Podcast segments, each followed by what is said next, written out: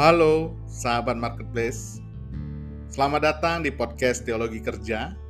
Kali ini saya akan mengulas tentang buku The Gift of Being Yourself atau Anugerah Menjadi Diri Anda Sendiri yang ditulis oleh David G. Benner. Kita semua cenderung menciptakan sosok Allah yang cocok dengan kepalsuan kita. Bagaimana kita menemukan diri kita yang sejati, sahabat? Jika kita tidak berdosa dan menjadi citra sempurna dari Allah, maka kita dapat memahami Allah yang adalah kasih. Tetapi, mengenal diri sendiri sebagai pendosa memampukan kita untuk mengetahui yaitu Allah juga penuh anugerah pengampunan. Sahabat-sahabat, tahukah kamu bahwa sangat banyak konsep-konsep duniawi dalam pencarian diri, identitas, dan otentisitas diri yang berujung pada omong kosong. Yesus telah berbicara tentang pencarian diri sebagai pengorbanan diri. Tujuan dari perjalanan rohani adalah transformasi diri. Jika kita menemukan diri kita, maka kita menemukan Allah. Dan jika menemukan Allah, maka kita menemukan diri kita yang paling otentik. Masing-masing kita memiliki nilai yang tak terkira bagi Allah. Identitas sejati adalah anugerah dari Allah. Roh Kudus memanggil kita pulang ke tempat dan identitas kita di dalam Allah, karena diri kita yang sejati berakar di dalam Kristus. Jadi, menemukan dan menghidupi diri kita yang sejati berarti memenuhi takdir kita. Sebelum kita mulai, buat kamu para sahabat yang mau mendukung podcast ini agar terus berkarya, caranya mudah banget hanya dengan klik follow. Dukungan sahabat marketplace sangat membantu supaya saya dapat rutin posting dan kita semua terberkati serta nama Tuhan dimuliakan. Buku ini adalah tentang perjalanan transformasional menjadi diri kita yang sejati di dalam Kristus dan menghidupi panggilan yang terlibat di dalamnya. Buku ini disusun berdasarkan tiga kebutuhan besar sahabat yang dihadapi semua orang Kristen yang berusaha menempatkan diri dalam rancangan Allah. Adapun kebutuhan pertama yaitu pengenalan transformasional akan Allah yang berasal dari perjumpaan dengan Allah di dalam eksistensi kita.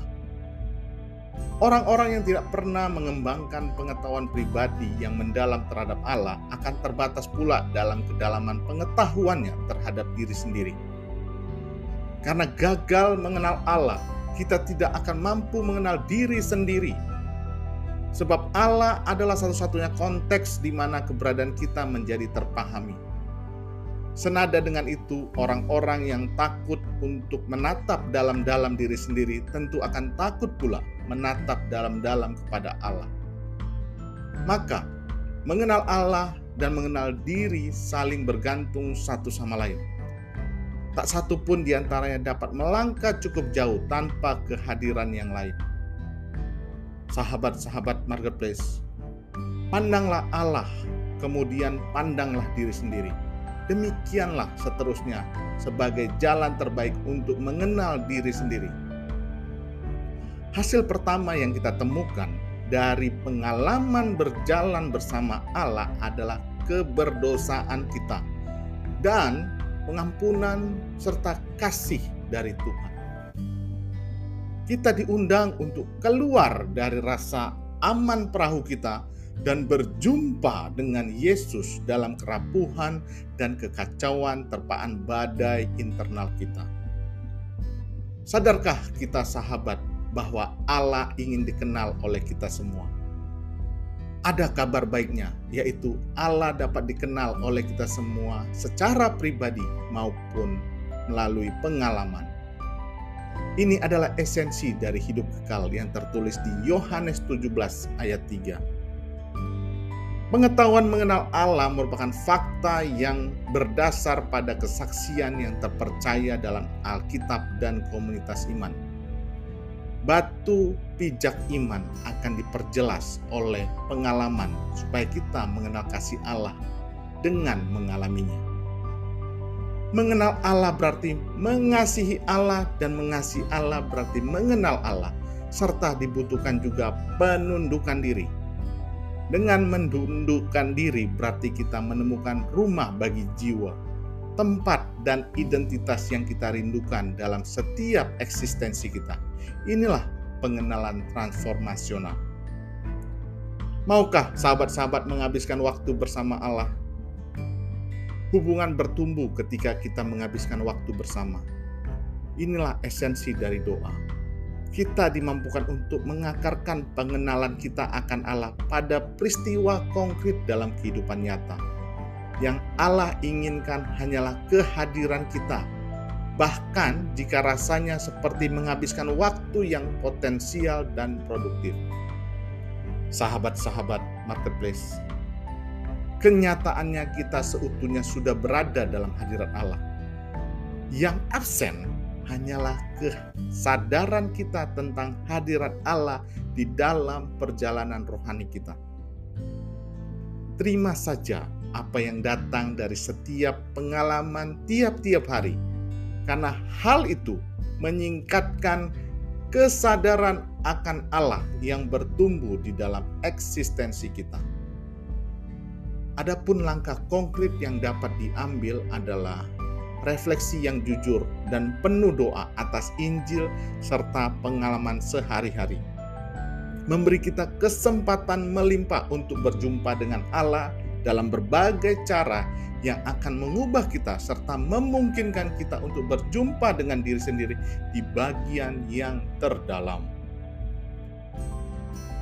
Kebutuhan kedua yaitu pengenalan transformasional terhadap diri yang berasal dari penemuan tentang bagaimana kita dikenal oleh Allah. Jika Allah tidak mengenal kita, kita tidak eksis, sahabat. Namun faktanya Allah mengenal kita. Kita terukir di telapak tangan Allah dan tidak pernah keluar dari pikiran Allah. Allah tidak bisa tidak melihat kita melalui mata penuh kasihnya kasih Allah bagi kita tidak ada hubungannya dengan perilaku kita.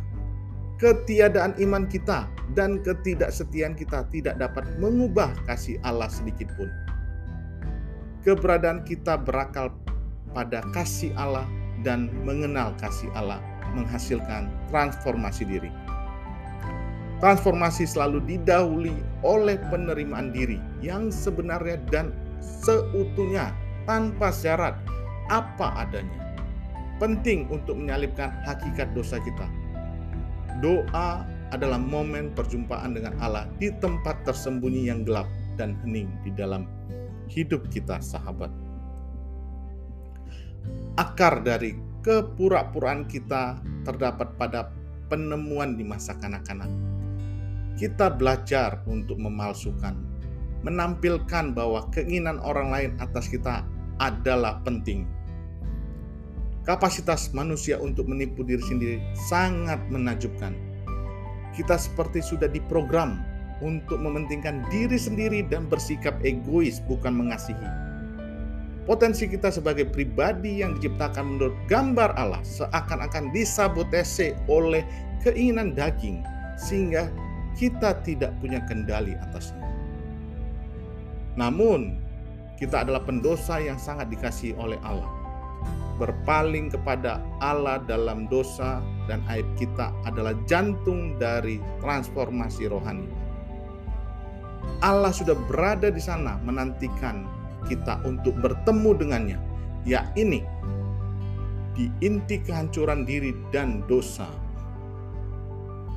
Izinkanlah Allah untuk bertemu dengan sahabat-sahabat serta menolong sahabat mengenal diri sendiri sebagaimana kita dikenal olehnya. Sejak dini kita belajar untuk memenuhi kebutuhan dan kepuasan kita sendiri. Pada inti diri palsu kita terdapat hasrat untuk mempertahankan gambar diri dan cara berelasi dengan dunia. Inilah gaya pribadi kita, yakni bagaimana kita berpikir tentang diri sendiri dan bagaimana kita ingin orang lain melihat serta berpikir tentang kita. Diri palsu kita dibangun di atas kelekatan berlebihan terhadap sebuah gambar diri yang kita pikir akan membuat kita istimewa. Kelekatan adalah cara untuk mengatasi perasaan rapuh, malu, dan tidak mampu yang terdapat pada inti dari diri kita yang palsu. Apakah kita didorong untuk mengejar kesuksesan atau prestasi dan kepuasan yang berlebihan tanpa kendali? Sahabat, apakah kita siap untuk menjadi seorang yang berbeda dari gambar diri kita? Jika tidak, kita akan hidup dalam belenggu diri palsu. Satu-satunya harapan untuk membuka topeng kepalsuan yang berada di inti keberadaan kita adalah perjumpaan radikal dengan kebenaran. Allah mencari persekutuan pribadi dengan kita, dan Kristus adalah jalan kebenaran yang akan memimpin kita pada panggilan dan pemenuhan terdalam. Kita masuk pada kebutuhan ketiga, yaitu menemukan identitas, pemenuhan, dan panggilan kita pada diri yang tersembunyi di dalam Kristus. Sahabat-sahabat marketplace, menjadi diri sendiri, Anda yang sejati adalah gambar Allah di dalam diri kita, yakni wajah unik Allah yang sudah dikhususkan sejak kekekalan bagi Anda. Yesus memberikan respon tentang jati dirinya pada orang tuanya yang cemas mencari-cari keberadaan dirinya.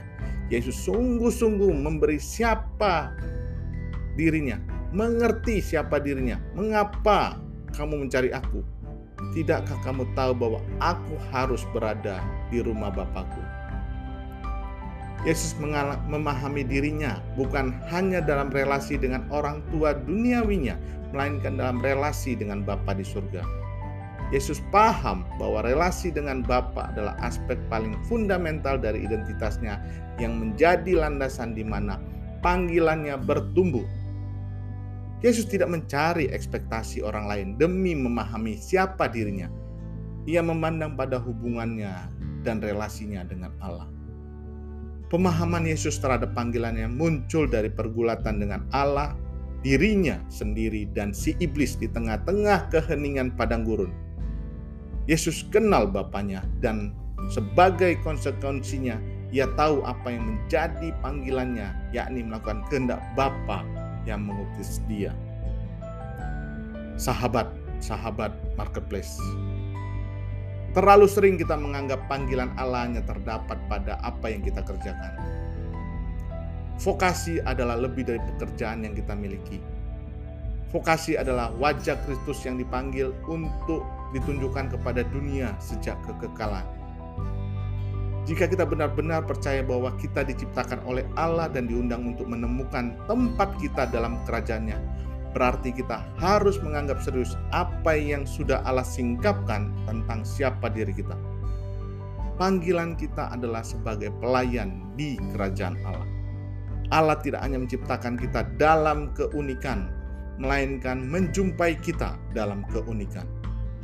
Hanya di dalam Allah ada kebenaran dan keberadaan kita. Buku ini memberikan dua saran untuk bertumbuh menuju diri yang sejati, yaitu yang pertama, sahabat-sahabat, siapkanlah waktu khusus untuk merenungkan waktu Yesus ke bait Allah pada usia 12 tahun. Bertanyalah kepadanya, di mana ia mendapatkan kejelasan akan identitasnya dengarkan dia berbicara dan lihatlah dia bertindak. Yang kedua, dengan doa tuliskan pernyataan misi bagi hidup sahabat-sahabat. Pikirkan ulang hidup sahabat sampai titik ini. Sampai meninjau ulang segala pemberian Allah bagi keberadaan Anda dan sahabat dalam memahami panggilan sahabat-sahabat di antara pemberian-pemberian tersebut. Inilah dua syarat untuk kita bisa mengenal jati diri kita sesungguhnya. Demikianlah review buku ini. Kiranya memberkati sahabat-sahabat marketplace. Jangan lupa, sahabat, klik follow podcast Teologi Kerja. Tuhan Yesus memberkati. Amin.